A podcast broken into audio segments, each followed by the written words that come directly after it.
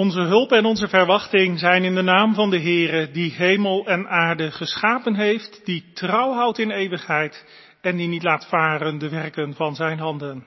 Amen. Genade zij u en vrede van God onze Vader en van de Heer Jezus Christus in de gemeenschap met de Heilige Geest. Amen. Gemeente, laten we met elkaar zingen. Psalm 8 uit Weerklank. En daarvan het eerste vers. Heere, onze Heere, hoe heerlijk en verheven hebt gij uw naam op aarde uitgeschreven. Machtige God, gij die uw majesteit ten hemel over ons hebt uitgebreid. Psalm 8, vers 1 uit de berijming van Weerklank.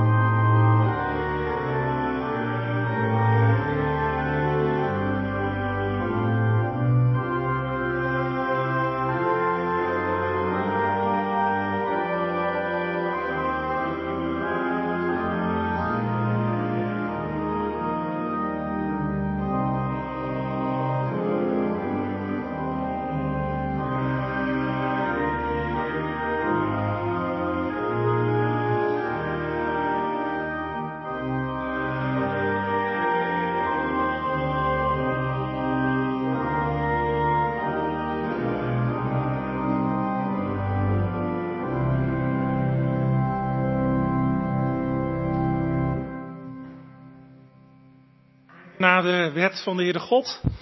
De samenvatting daarvan willen wij samen zingen. Psalm 119, het zesde vers. Ik heb in mijn hart uw reden weggelegd, opdat ik mij mocht wachten voor de zonden. Gij zijt, o Heere, gezegend, leer uw knecht.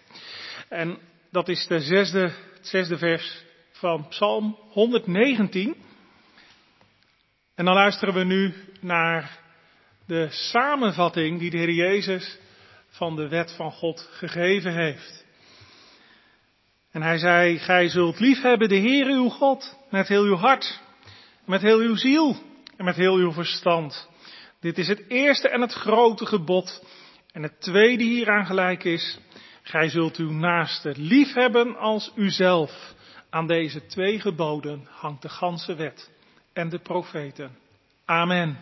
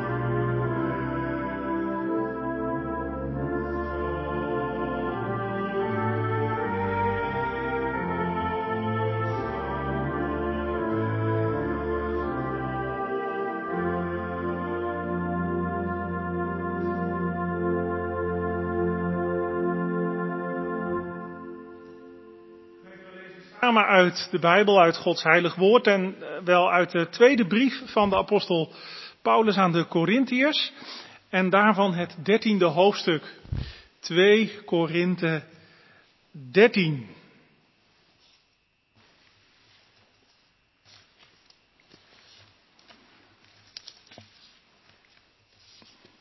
2 Korinthe 13. Straks in de preek dan zal ook wel duidelijk worden waarom ik dat gedeelte gekozen heb voor vanmorgen. 2 Korinthe 13, we beginnen maar te lezen bij vers 1 en we lezen door tot en met het einde van dat hoofdstuk. Dit is de eerste keer, dit is de derde keer, schrijft Paulus, dat ik naar u toekom. In de mond van twee of drie getuigen zal elke zaak vaststaan. Ik heb het al eerder gezegd en ik zeg het nu vooraf, net als toen ik voor de tweede keer bij u was. En ik schrijf het nu terwijl ik afwezig ben aan hen die vroeger gezondigd hebben en aan al de anderen. Ik zal hen, als ik opnieuw kom, niet sparen. U zoekt immers een bewijs dat Christus in mij spreekt ten opzichte van u, die ten opzichte van u niet zwak is, maar die krachtig is onder u. Want hoewel hij gekruisigd is door zwakheid, leeft hij toch door de kracht van God. Ook wij zijn immers zwak in hem, maar zullen ten opzichte van u leven met hem door de kracht van God. Onderzoek uzelf of u in het geloof bent. Beproef uzelf of weet u niet van uzelf dat Jezus Christus in u is. Of het moet zijn dat u op enige wijze verwerpelijk bent. Ik hoop echter dat u zult inzien dat wij niet verwerpelijk zijn. En ik bid tot God dat u geen kwaad doet. Niet opdat wij beproefd blijken te zijn, maar opdat u het goede doet. Ook al lijken we dan verwerpelijk. Want wij kunnen niets doen tegen de waarheid, maar wel voor de waarheid. Want wij verblijden ons wanneer wij zwak zijn en u sterk bent. En wij bidden ook hierom, namelijk om uw volledig herstel. Daarom schrijf ik u dit terwijl ik afwezig ben, opdat ik, wanneer ik aanwezig ben, niet streng hoef op te treden, overeenkomstig de volmacht die de Heer mij gegeven heeft tot opbouw en niet tot afbraak. Ten slotte, broeders, verblijd u, laat u terechtbrengen, laat u aansporen, wees eensgezind, leef in vrede. En de God van de liefde en de vrede zal met u zijn. Groet elkaar met een heilige kus. Al de heiligen groeten u. De genade van de Heer Jezus Christus, de liefde van God en de gemeenschap van de Heilige Geest zij met u allen. Amen. Tot hier gemeente de schriftlezing. Het gedeelte voor de prediking zometeen, dat zijn de laatste versen van dit hoofdstuk. Vooral de versen 11 tot en met 13. Daar hopen we straks verder naar te luisteren. Gemeente, dan willen we samen bidden. We doen ook voorbeden. Eh, we willen de gemeenteleden weer opdragen aan de heren die zich eenzaam voelen, aan huis gebonden zijn. We bidden voor hen die uh, bekenden hebben of uh, mensen hebben verloren ook aan het coronavirus.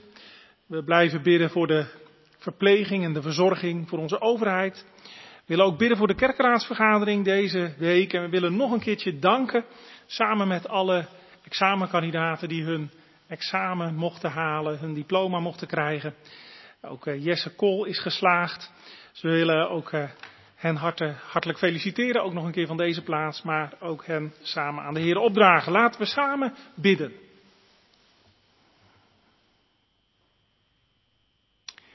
Heere drieënige God in de hemel, zo mogen wij u hartelijk danken, ook weer voor deze dag. U bent nog genadig over ons. Daar mochten we al van zingen, heren, dat u uw majesteit en uw goedheid over ons hebt uitgespreid. Zo hoog als de hemelen zijn, zo hoog is uw grootheid. Zo hoog is uw genade en uw barmhartigheid. En heren, dat wij u dan kinderlijk mogen vrezen, dat wij u mogen kennen en mogen liefhebben, dat wij u mogen dienen met heel ons hart. Heren, u weet wat wij nodig hebben. En u kent ons ook vanmorgen, als we tot u naderen, als we meekijken, meeluisteren of hier in de kerk aanwezig zijn, Heere God, dan, uh, ja, dan komen we tot u als mensen die het niet verdiend hebben dat u naar ons omziet. Als mensen die zijn aangewezen op uw genade. Maar wil die genade ook verheerlijken in ons hart, heren. Ons al onze zonden ons vergeven. Wij hoorden uw heilige wet. Ja, in de samenvatting daarvan, in de kern daarvan. Nou zou iemand misschien nog kunnen denken, nou ik denk niet dat ik deze week iets gestolen heb. Maar Heer, als het er dan om gaat, of wij u lief gehad hebben boven alles en onze naaste als onszelf.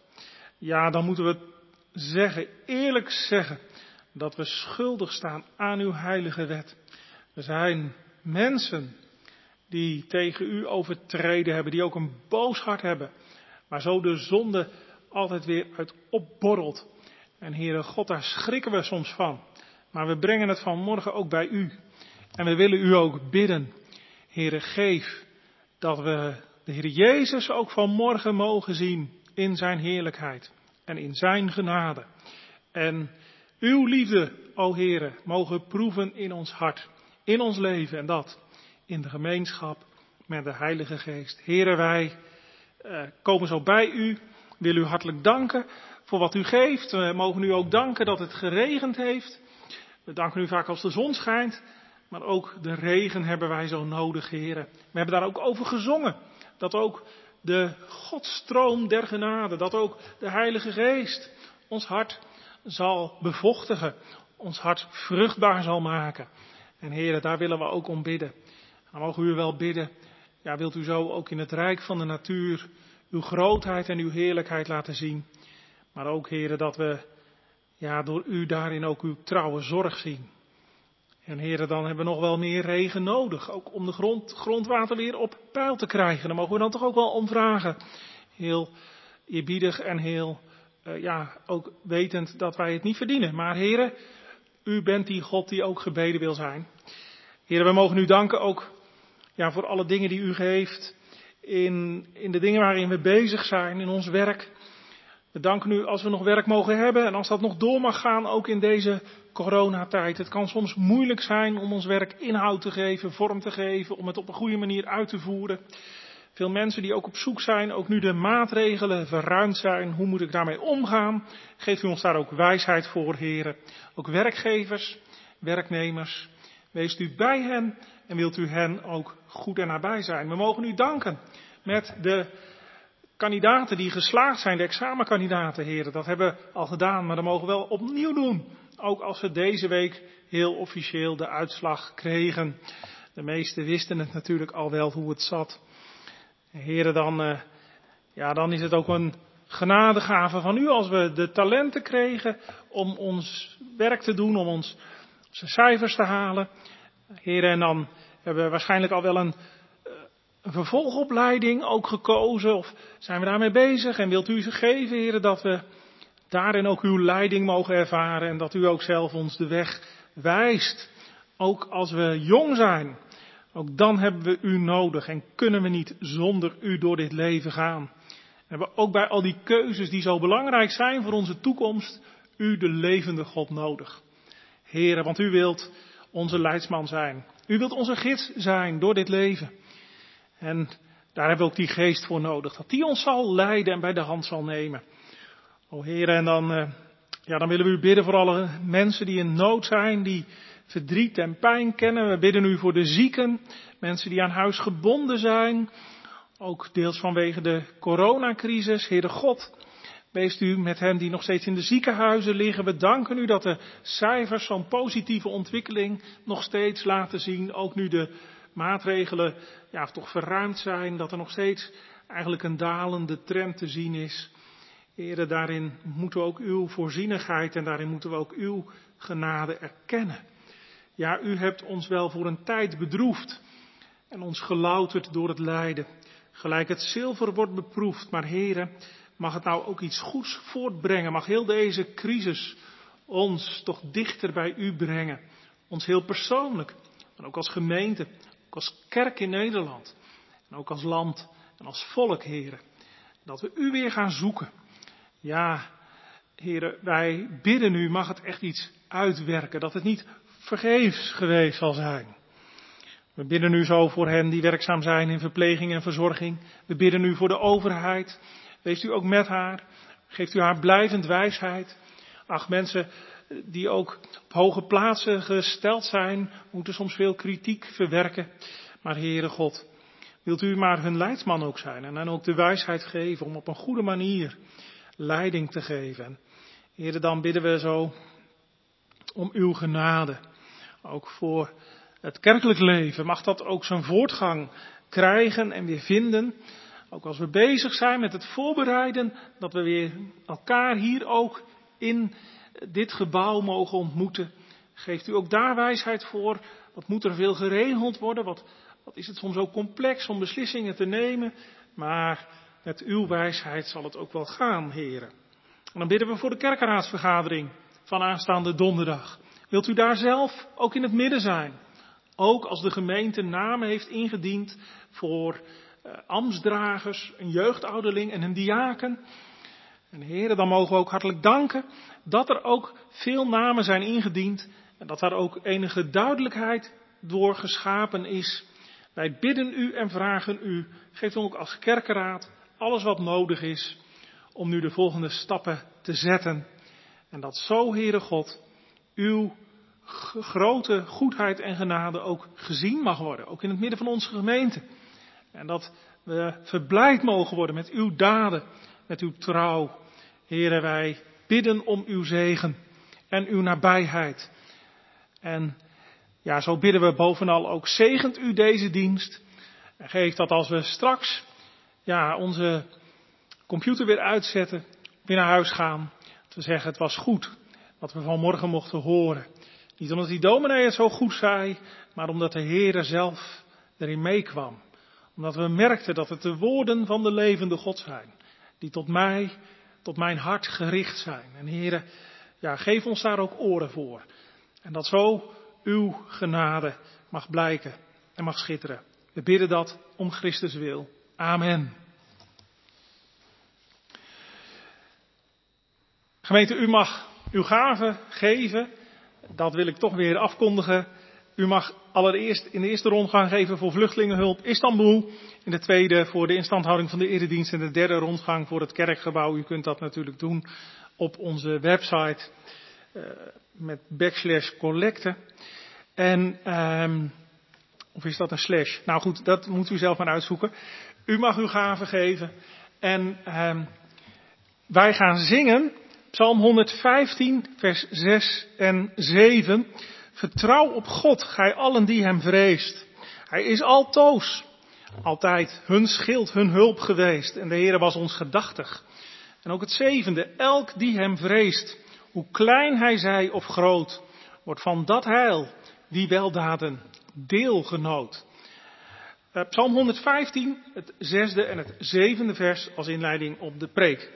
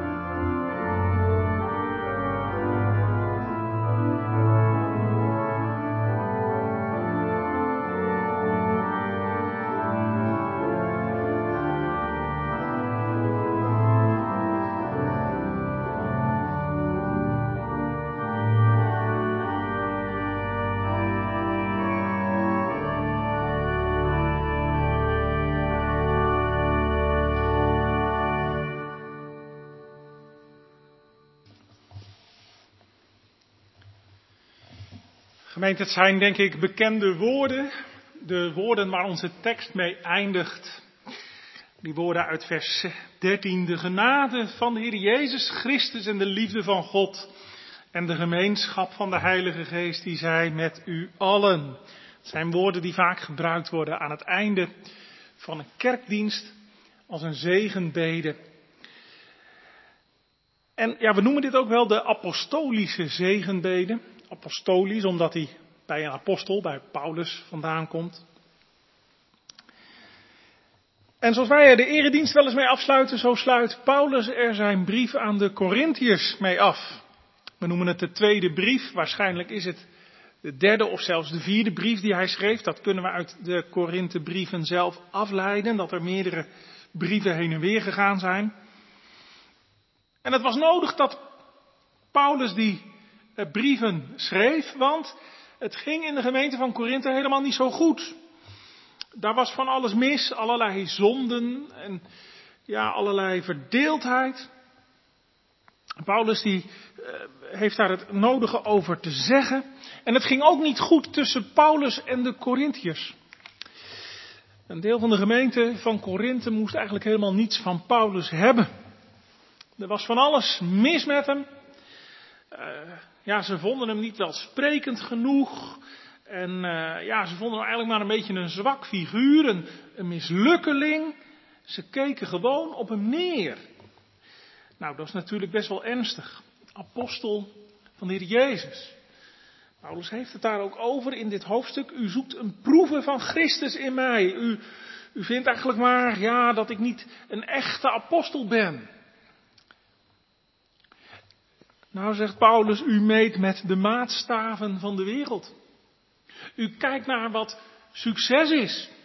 U kijkt naar wat indrukwekkend is, maar in het koninkrijk van God werkt het heel anders.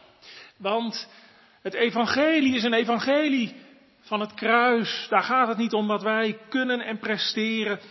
Daar gaat het om zwakheid.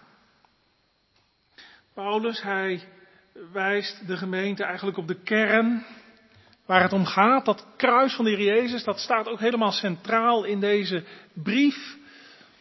Daar brengt hij de gemeente weer terug.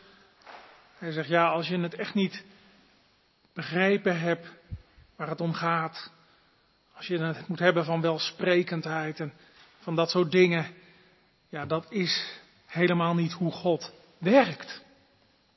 En uh, ja, dan geeft hij eigenlijk in dit hoofdstuk nog een keer aan dat ze zijn woorden maar beter serieus kunnen nemen. En dat ze die brief die hij geschreven heeft, dat ze daar ook echt naar moeten luisteren. Bijvoorbeeld in vers 10, hè, hij zegt daar, ik schrijf u dit terwijl ik afwezig ben, opdat u tot bekering zou komen, opdat ik wanneer ik aanwezig ben niet streng hoef op te treden.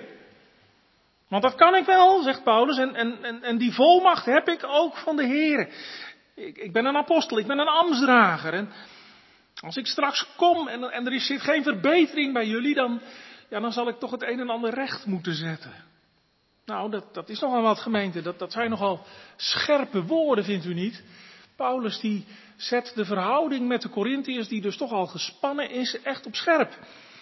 En hij zegt eigenlijk tegen hen, nou ja, ik weet niet of ik dat zo op de kansel mag zeggen, of dat wel helemaal kanseltaal is, maar hij zegt eigenlijk, het is, het is buigen of het is barsten. Ja, dat zegt hij eigenlijk. En toch gemeente, zo, zo sluit Paulus nu zijn brief niet af. Dat, dat wil ook niet. Hij zet het op scherp, maar, maar gemeente, die scherpte van Paulus, dat is wel de scherpte van de liefde. Hè? Paulus die heeft wel het beste voor met die gemeente in Korinthe. Het is niet dat hij ze maar op hun kop geeft, want hij zegt van ja, jullie zijn sukkels en jullie hebben er niks van begrepen en ik begrijp het tenminste wel. Nee, nee hij, wil ze, ja, hij wil ze bij de Heren brengen. En, en daar is het Paulus steeds om, om te doen. En, en daar bidt hij ook om. Hè. Leest u maar even aan het einde van vers 9. Wij bidden ook hierom. Namelijk om uw volledig herstel. En dat was niet omdat die mensen ziek waren, dat ze eh, lichamelijk ziek waren en beter moesten worden, maar ze waren wel geestelijk ziek. Hè. En, en, en, en er waren allerlei, ja, geestelijke afwijkingen in die gemeente. En Paulus bidt, ik, ik hoop dat u, en ik bid God dat u hiervan herstelt dat u zich bekeert zou je ook kunnen zeggen. Nou gemeente, ik denk dat we hier wel iets ook van kunnen leren. Hè? Ook voor onszelf. Hoe gaan we met conflicten om? Dat gebeurt natuurlijk. Als je een levend mens bent, dan kom je af en toe in conflicten terecht. Maar, maar hoe ga je daar dan mee om? Zoeken we elkaars heil? Bidden we ook voor de ander? En is dat nou juist ook hoe we de ander dan ook aanspreken, gedragen in het gebed, als het, als het ware? En dat je ook juist zoekt, wat Paulus ook zoekt, om die band met die ander te herstellen. Dat het toch ook goed komt. Wat er ook gebeurd is en wat er ook misgegaan is. Paulus doet dat wel. En die staat in denk ik ook een voorbeeld voor ons, of niet? Paulus neemt niet op een boze, op een verontwaardigde manier afscheid van de gemeente. Nee, hij eindigt heel mooi met die zegen van vers 13. Hij geeft eerst nog een paar opdrachten in vers 11 en, vers 12. Ook wel, ook wel mooie opdrachten. Hè? We lezen in vers 11. Ten slotte, broeders, verblijd u. Laat u terechtbrengen. Laat u aansporen. Wees eensgezind. Tegenover die verdeeldheid daar. En leef in vrede. En daar verbindt hij ook een belofte aan en de God van de liefde en de vrede zal met u zijn. Nou, Paulus die begint met verblijd u. Mooie oproep. Ja, was er dan zoveel reden om, om, om zich te verblijden? Als er dan zoveel mis is in de gemeente, misschien zegt u dat ook wel, hè? In deze tijd. U zegt ja, ik vind het maar moeilijk, die coronacrisis en hoe langer het duurt, hoe, hoe meer ik eronder gebukt ga, heb ik nou nog wel, wel reden om mij te verblijden? Moeilijke dingen meegemaakt misschien. Misschien wel mensen verloren, ook in je omgeving. Heb ik, heb ik dan wel reden om het te verblijden? Ja, Paulus zet dit voorop. Hè? Verblijd u, zegt hij. Verblijd u. Ondanks de problemen die er allemaal zijn in Korinthe. Ondanks de spanningen die er zijn tussen u en mij. Toch zegt Paulus, is er nog steeds reden tot vreugde. En gemeente, stuiten we hier niet meteen op het diepste geheim van het leven van een christen. Dat, dat ook al zijn de omstandigheden er soms helemaal niet naar. Dat een christen door het geloof in de Heer Jezus toch vreugde kan vinden in God. Is dat er dan altijd? Nou, gemeente, dat zeg ik niet. En dat je daar altijd bij kan, of dat je altijd op die hoogte zit. Nou, dat zeg ik niet. Kan ver gaan met een mens soms, hè. Wat heeft de duivel nog een macht? De duivel die is erop uit om, om mensen of tot zorgeloosheid te brengen. En ik denk dat dat heel aardig lukt. Met heel veel mensen. Of een mens tot wanhoop te brengen. Dat is de andere tactiek van de duivel. En dat lukt hem soms ook. Deze week hoorde ik over een vrouw die zich uit pure wanhoop zichzelf van het leven beroofde. Ja, gemeente, dan kan het ver gaan, hè? En was die vrouw dan geen christen? Nou, dan moeten we maar heel voorzichtig mee zijn. Wordt soms heel hard over geoordeeld, maar. Maar dan moeten we maar voorzichtig zijn. Paulus schrijft het toch. Verblijd u. Merkelijk. In zo'n scherp hoofdstuk. Verblijd u. Niet omdat alles zo geweldig gaat. Niet omdat er geen problemen zijn. In uw leven, in de gemeente, in de wereld. Maar verblijd u om wie God is. En om wat God doet. Ja, dan kan er ook midden in de verdrukking wel eens vreugde zijn in je hart. Als de Heilige Geest het geloof levend maakt en je een blik geeft op de Heer Jezus. En dan breekt toch in de dikste duisternis wel eens het licht door. Dat je het mag zingen met Psalm 33, hè, in de grootste smarten blijven onze harten in de Heere gerust. Ik zal Hem nooit vergeten, Hem, mijn helper heten, al mijn hoop en lust. Nou, Paulus die geeft zelf ook het goede voorbeeld, zou je kunnen zeggen, hè? want we hebben dat ook gelezen in vers 9. Leest u maar wat hij daar schrijft. Want wij verblijden ons wanneer wij zwak zijn en u sterk bent. Nou, dat is een beetje een cryptische uitdrukking van Paulus. Een beetje, ja, wat bedoelt hij daar nou precies mee? Nou, eigenlijk hoort het niet bij onze tekst, dus ik ga daar niet heel diep op in. Maar, maar eigenlijk bedoelt hij dit, hè? Ik preek het evangelie in alle zwakheid. Helemaal niet indrukwekkend inderdaad, dat wil Paulus ook best toegeven. Ik ben ook maar ja, een mens. In alle zwakheid kom ik tot u met dat evangelie van de Heer Jezus. Zijn volbrachte werk. Maar het is mijn vreugde als, als de Heilige Geest daar nou ook, ook het deel aan geeft. Als u dan daardoor sterk wordt. Als u uw kracht en uw sterkte vindt in de Heer Jezus. Ja, dan ben ik wel zwak en ik kom in zwakheid tot u. Maar dan mag u daardoor juist kracht en sterkte vinden. Nou, zo zou ik het maar heel kort gemeente uit willen leggen wat Paulus hier zegt. Daar is hij blij om. Verblijd u. Maar ook laat u terechtbrengen. Laat u aansporen. Wees eens gezind. Legt Paulus sterk de nadruk op. Hè? Die eensgezindheid. En dan komt hij ook met een belofte. En de God van de liefde en de vrede zal met u zijn. Mooi hè? De God van de liefde en van de vrede. Die God, daar gaat het over. Maar liefde woont. Daar gebiedt de Heer de zegen. En daar woont Hij zelf. En daar wordt zijn heil verkregen en het leven. Tot in eeuwigheid.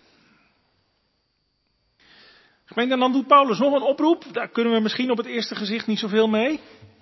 Vers 12. Groet elkaar met een heilige kus. Ja, die opdracht die kom je in het Nieuwe Testament meerdere keren tegen. Ik meen een keer of drie, vier. Ik heb het niet helemaal nagekeken. Maar ja, dat is nou niet een opdracht die wij zo actief in de praktijk brengen. Hè? Uh, nou zegt u natuurlijk, ja dat kan nu ook niet vanwege de coronaregels. Maar ja, als die maatregelen niet zouden gelden, dan zouden we het ook niet doen, toch? Um, hoe moeten we dat nou, nou zien, gemeente? Hoe moeten we daar nou mee omgaan? Zijn wij ongehoorzaam aan een Bijbelse opdracht als we dit niet doen? Als we elkaar niet een kus geven bij de ingang van de kerk of zo? Nee, gemeente, dat denk ik niet. Deze opdracht van Paulus laat ons denk ik ook iets belangrijks zien over hoe we met de Bijbel omgaan. Kijk, iedere opdracht in de Bijbel staat ook in een bepaalde context. En we moeten ook iedere opdracht vanuit de context uitleggen en toepassen op onze eigen situatie. En dat in het licht van, van de gehele schrift en van de gehele Bijbel. Dus we hebben nodig, en dat is misschien toch wel goed om dat eens te zeggen, we hebben nodig ja, dat wij de hoofdlijnen van de Bijbel duidelijk hebben. Je zou kunnen zeggen de dogmatiek. Je kan het ook zo zeggen, wij hebben theologie nodig.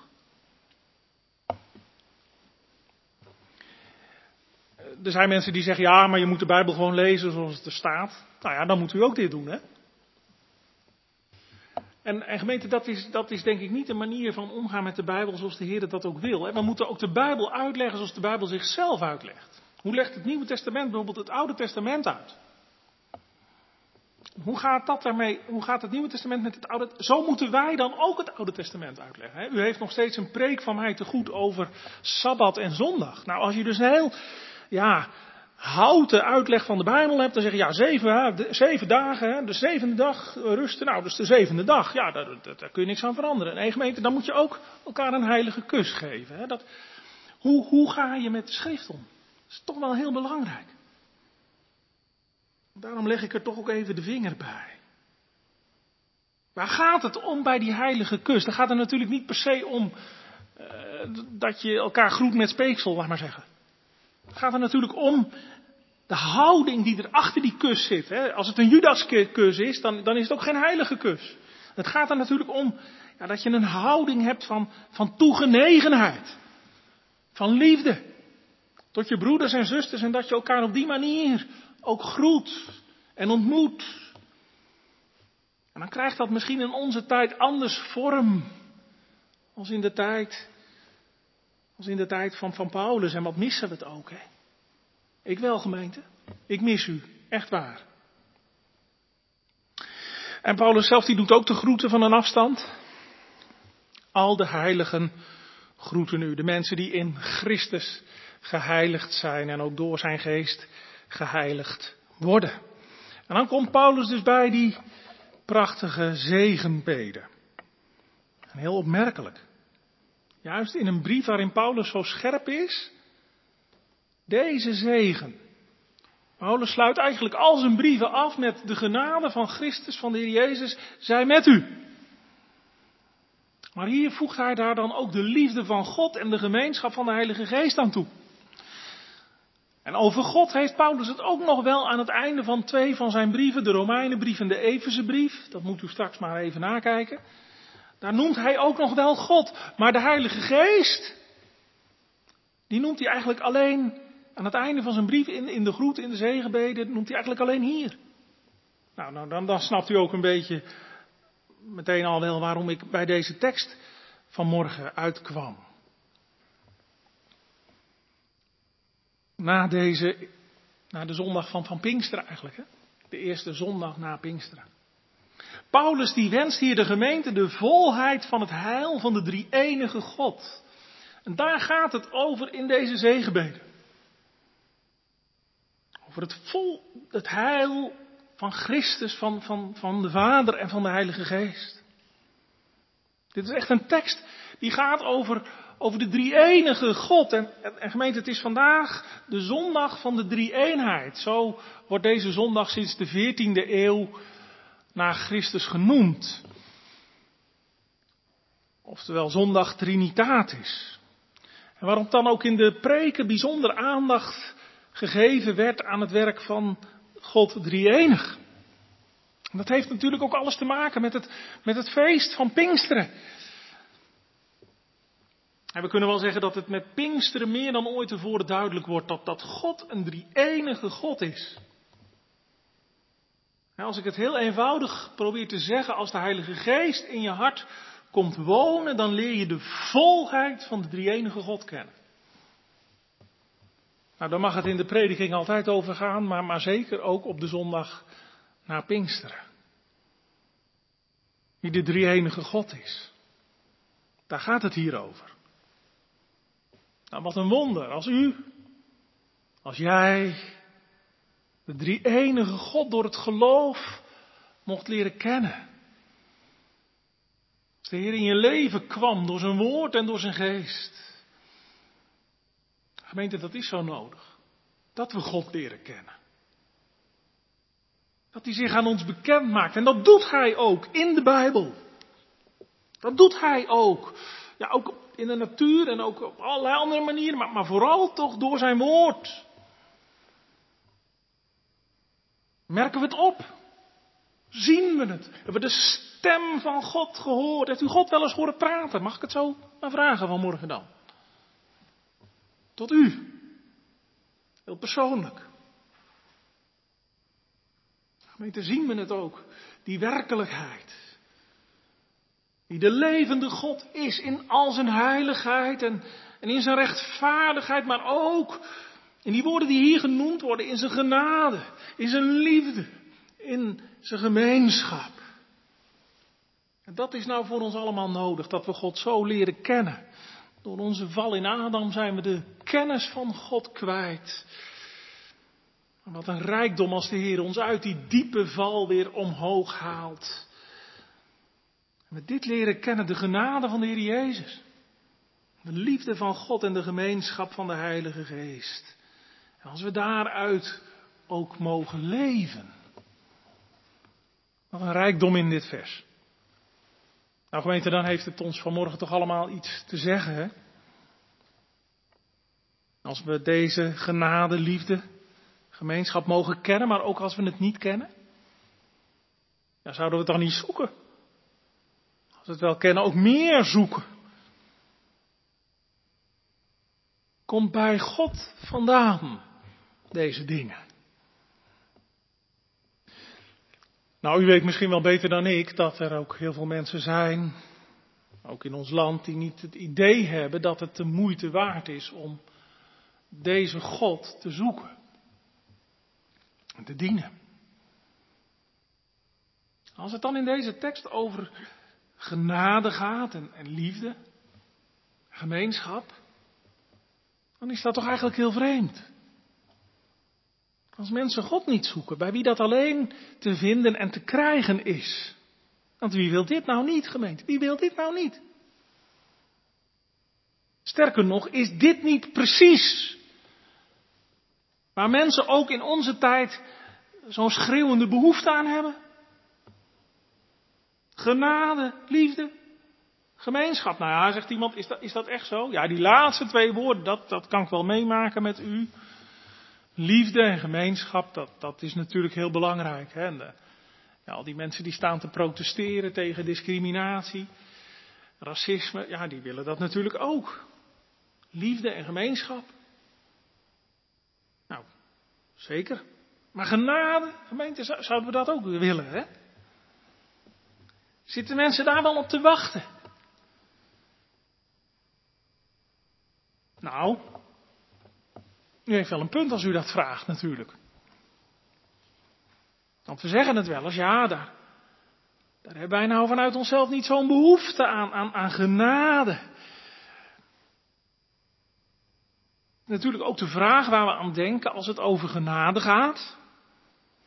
En als het over liefde en gemeenschap gaat. Die begrippen houden vanuit de Bijbel gezien natuurlijk enorm veel ook in. Hè. Je zou over al die begrippen een preek apart kunnen houden. Gemeente, dan is het waar. Dan zit op een bepaalde manier niemand van ons te, te wachten op genade. Daar kom ik zo nog even op terug. Maar, maar op een bepaalde manier toch ook wel.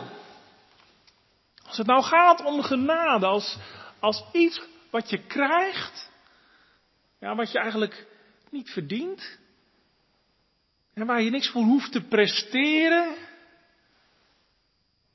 genade, misschien ook wel als schuldvergeving. Er, lopen ook heel wat mensen met, met schuldgevoelens rond, misschien wel meer mensen dan we denken. En dan weet ik ook wel, gemeente, er is natuurlijk nog een verschil tussen eh, ongedefinieerde schuldgevoelens, of, of misschien ook wel heel gedefinieerde schuldgevoelens. Spijt over dingen die er in je leven gebeurd zijn en, en, en een overtuiging van zonde die de Heilige Geest werkt. Dat, dat zijn wel verschillende dingen. Dat, dat, dat is nog weer iets anders als ook waar berouw over de zonde. Zeker, dat, moet, dat moeten we goed onderscheiden. Maar, maar daar gaat het nou even niet over. Het gaat nou over de genade. En dan heeft genade toch ook te maken met dat, ja, dat je het niet verdient. Dat je het niet hoeft te verdienen ook. Dat je, het niet, dat je niks hoeft te presteren. En, en is dat nou juist ook niet iets waar mensen in onze maatschappij soms ook naar zo, hè, zo naar verlangen? Van, ja, nou eens even ontheven te zijn van die prestatiedruk. En dat je aanvaard wordt ook met je, met je tekortkomingen, ook met je fouten en gebreken, zelfs ondanks dat.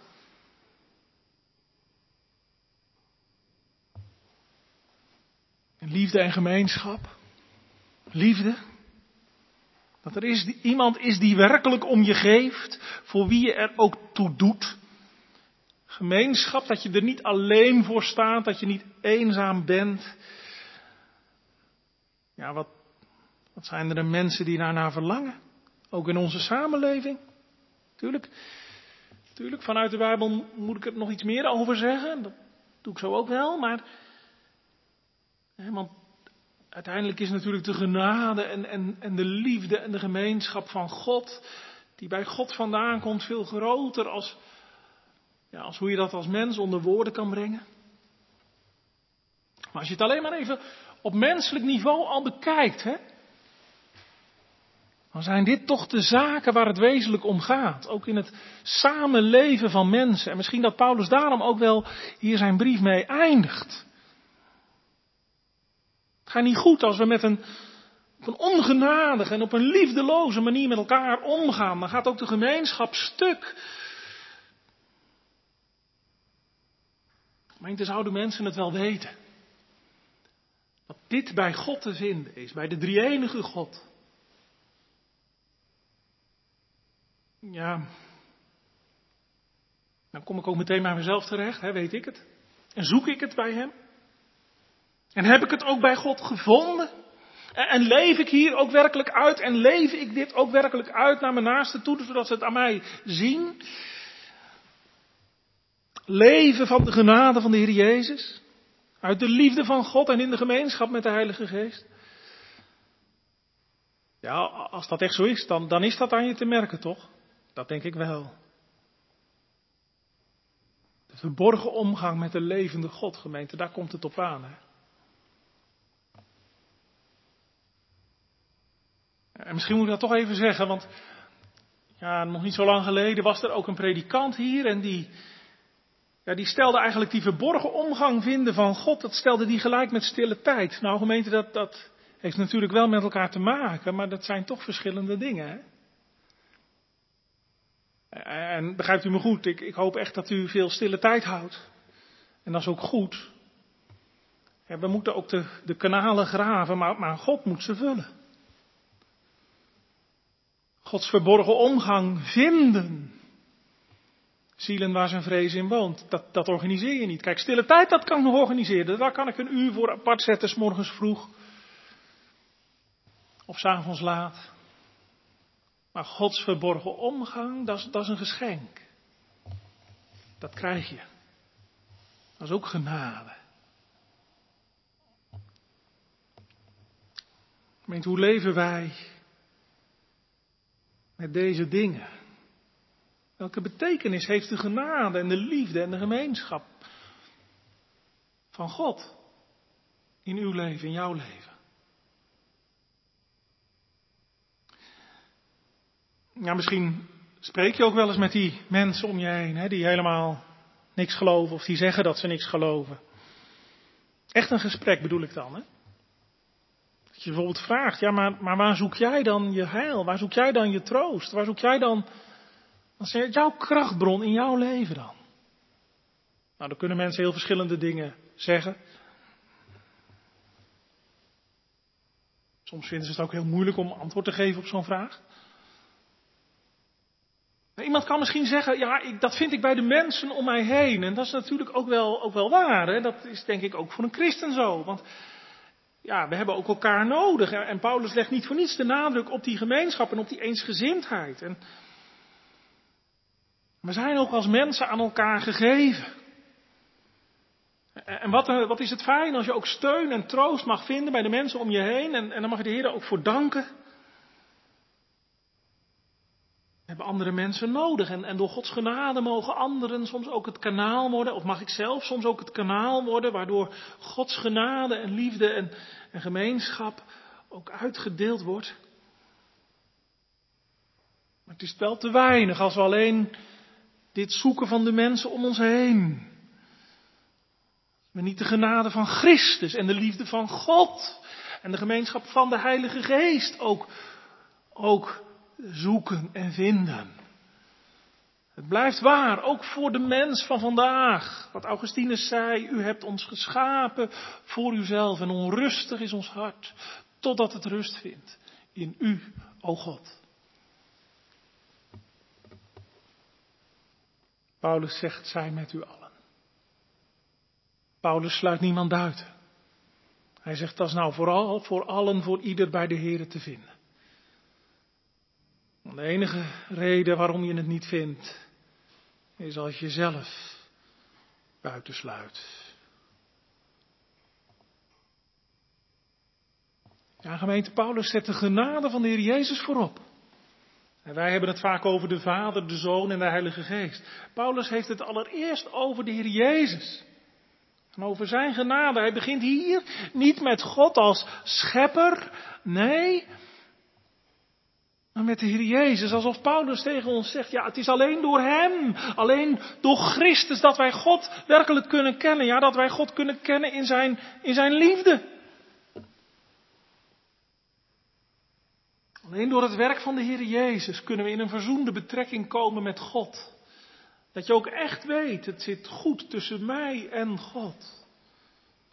Alleen door de Heer Jezus is er genade. En gemeente, ik heb al gezegd, genade dat is iets moois wat je krijgt, wat je niet verdient, maar het is, het is ook wel meer. Het is ook die genade die de Heer Jezus verdiend heeft toen hij aan het kruis hing.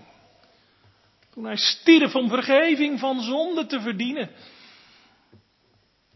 Genade, dat is wat een misdadiger krijgt.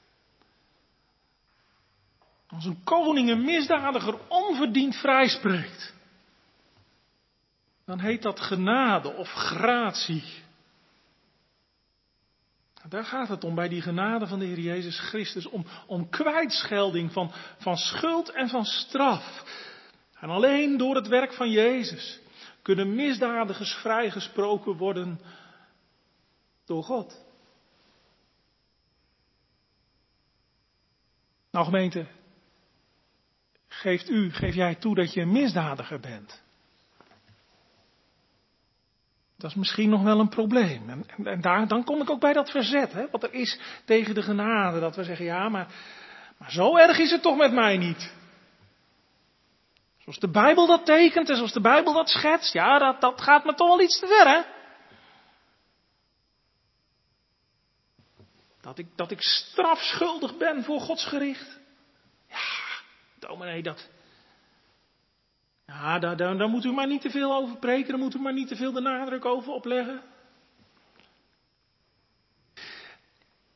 Gemeente, er is niet zo aanstootgevend voor ons als vrije genade. Stel je nou eens voor hè, dat die agent die George Floyd gedood heeft, dat die straks veroordeeld wordt. Want genade is niet dat je niet veroordeeld wordt. Hè. Genade is dat je veroordeeld wordt en dan vervolgens gratie krijgt. Stel je voor dat die agent veroordeeld wordt en dat hij vervolgens gratie krijgt van president Trump. Nou, dan is de wereld te klein. Dat kan ik u voorspellen. Niet voor niets roepen die mensen die die protesten, die roepen no justice, no peace. Geen gerechtigheid, dan ook geen vrede. En gemeentes hebben gelijk. Ze hebben gelijk. Want ja, eigenlijk, ze bedoelen er misschien iets heel anders mee als hoe ik het nu invul, hoor gemeente, maar, maar, gaat het hier niet om in de Bijbel? Ik denk eigenlijk dat die mensen daar de kern van de Bijbel staan te scanderen.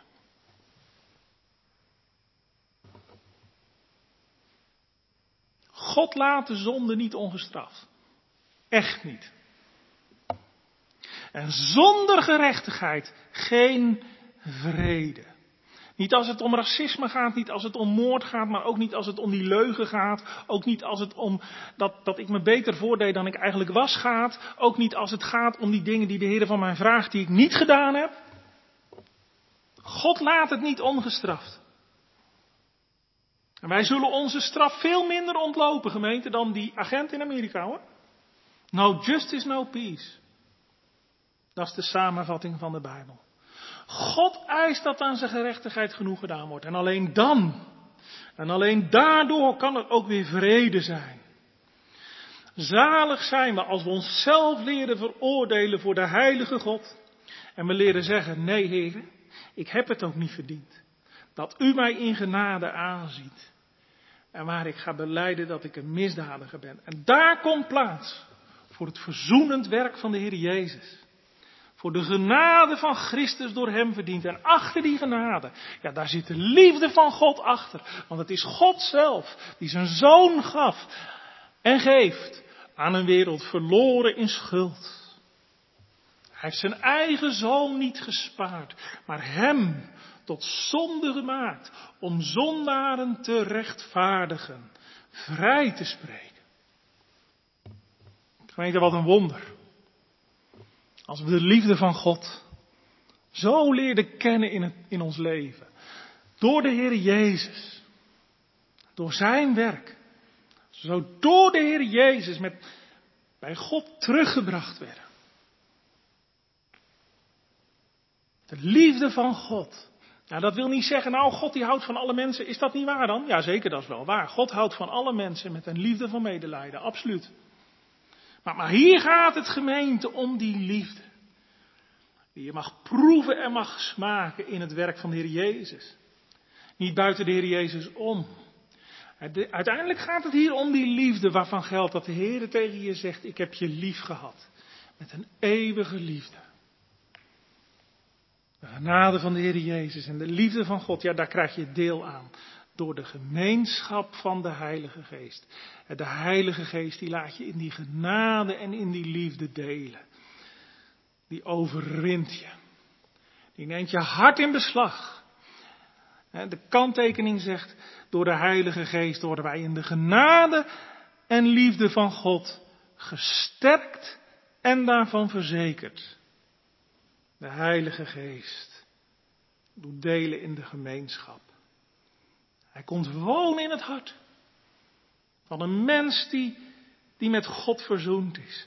Die de Heere God als Vader mag leren kennen. De Heilige Geest. De geest van de gemeenschap. Die er ook voor zorgt dat er gemeenschap komt tussen mensen onderling. Ja, daar gaat het misschien ook wel om hier, gemeente. Hij verbindt aan God, maar dan ook aan elkaar. Aan al die andere mensen die ook aan God verbonden zijn. Hieraan weten we dat we uit de dood zijn overgegaan in het leven als we de broeders hartelijk lief hebben. Ja, gemeente, het kan natuurlijk niet zo zijn dat we het over de liefde van God hebben en dat we ondertussen elkaar een mes in de rug steken. Dat, dat snapt u ook. Wat een wijsheid van Paulus dat hij dan hiermee mee eindigt. De God van de liefde en de vrede. Die zal met u zijn. Gemeente, wat een mooie zegenbede.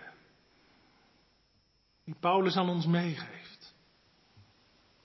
Wat een wonder. Als we dit mogen kennen, en als u het nog niet kent, zoek het. Paulus zegt het. Het moet met u allen zijn. Amen. Gemeente, laten we samen zingen, Psalm 84, het zesde vers, Psalm 84, het zesde, want God de Heere, zo goed, zo mild, is de allentijd een zon en schild. Hij zal genade en ere geven. 84, 6.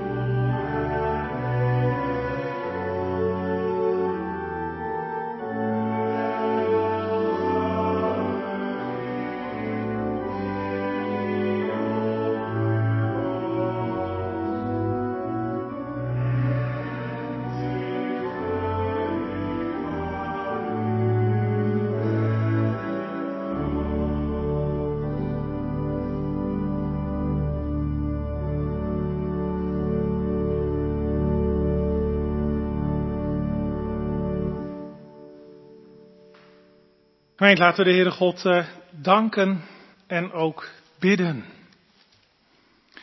Heren, zo mogen wij u hartelijk danken voor alles wat u ons gaf, ook in de prediking, voor uw genade, voor uw liefde en uw gemeenschap, heren, die u aan ons kwijt wil. En ja, dat liet u ook vanmorgen toch weer zien. En dan roept u ons op om dit te zoeken van u. En heren, dan moeten we ook beleiden dat we er ja, vanuit onszelf best wel wat van willen hebben. Als we er eh, zelf wat beter van worden, en dan zoeken we het bij onze naasten. En dan... Maar heren, willen we het ook echt van u hebben. Oh, haalt u alles weg wat in de weg staat tussen ons en u. Paulus die probeerde alles uit de weg te ruimen wat tussen hem en de Corinthiërs in stond. Hij wist ook dat dat niet goed zat. Dat het niet goed ging ook daar in die gemeente. Heren, geef toch dat het bij ons anders zal zijn en dat we levende christenen zullen zijn, maar die uitstralen deze, deze genade, deze liefde, deze gemeenschap. Naar de wereld om ons heen, heren. Oh, ja, dat werkt u. En dat is bij u te krijgen. En maakt u ons dan maar arm en missend om ons ook te vervullen met wat u voor ons hebt. Ja, Heere God. Dan maakt u het land dorstig, maar dan verzadigt u het ook. En Heere, zo mogen we u hartelijk danken. En zo mogen wij u bidden om die werkingen, die krachtige doorwerking van uw Heilige Geest. Ook in onze tijd. De tijd waarin we leven, waarin zoveel op ons afkomt en zoveel afleidende dingen zijn. En, en we alle kanten opgetrokken worden soms, maar dat wij onze focus mogen houden, ons gericht mogen weten op u, de levende God, en op deze heerlijke zaken die u ons voorstelt en ons uitdeelt. En heren, dan mogen u zo danken dat we ook zo naar huis mogen gaan onder die zegen van u. Gaat u met ons mee. Deze dag geeft u ons verlangen om opnieuw in te schakelen. Om opnieuw mee te leven, mee te kijken naar de kerkdienst. Maar ook, Heere God, als we straks de week weer ingaan op maandag, ja, om u elke dag nodig te hebben. En u, heren, niet te missen. Die geest niet te kunnen missen. Heren, wij danken u dat u hem hebt uitgestort en gegeven hebt. Uitgestort op alle vlees. En dan is er niemand te slecht. Is er niemand te ver weg. Dan hoeven we niet in de wanhoop terecht te komen, Heer. Oh, bewaar ons daarvoor. Dat, we, dat de duivel ons zal brengen tot de meest wanhopige zaken. Heren, wij bidden, mogen we hoop op u hebben. Dwars door alles heen. Ook als het soms moeilijk is. Ook als we soms de druk voelen. Heren, u kent ons. En u wilt toch ook bij ons zijn. O Heren, maak zo uw weldaden wonderbaar. En we vragen het om Christus wil. Amen. Gemeente, zingen we tenslotte nog Psalm 150, het derde vers. Loof God naar zijn hoog bevel. Met het klinkend symbolspel. Loof hem op het schelmetaal van de vrolijke symbaal. 150, het derde vers.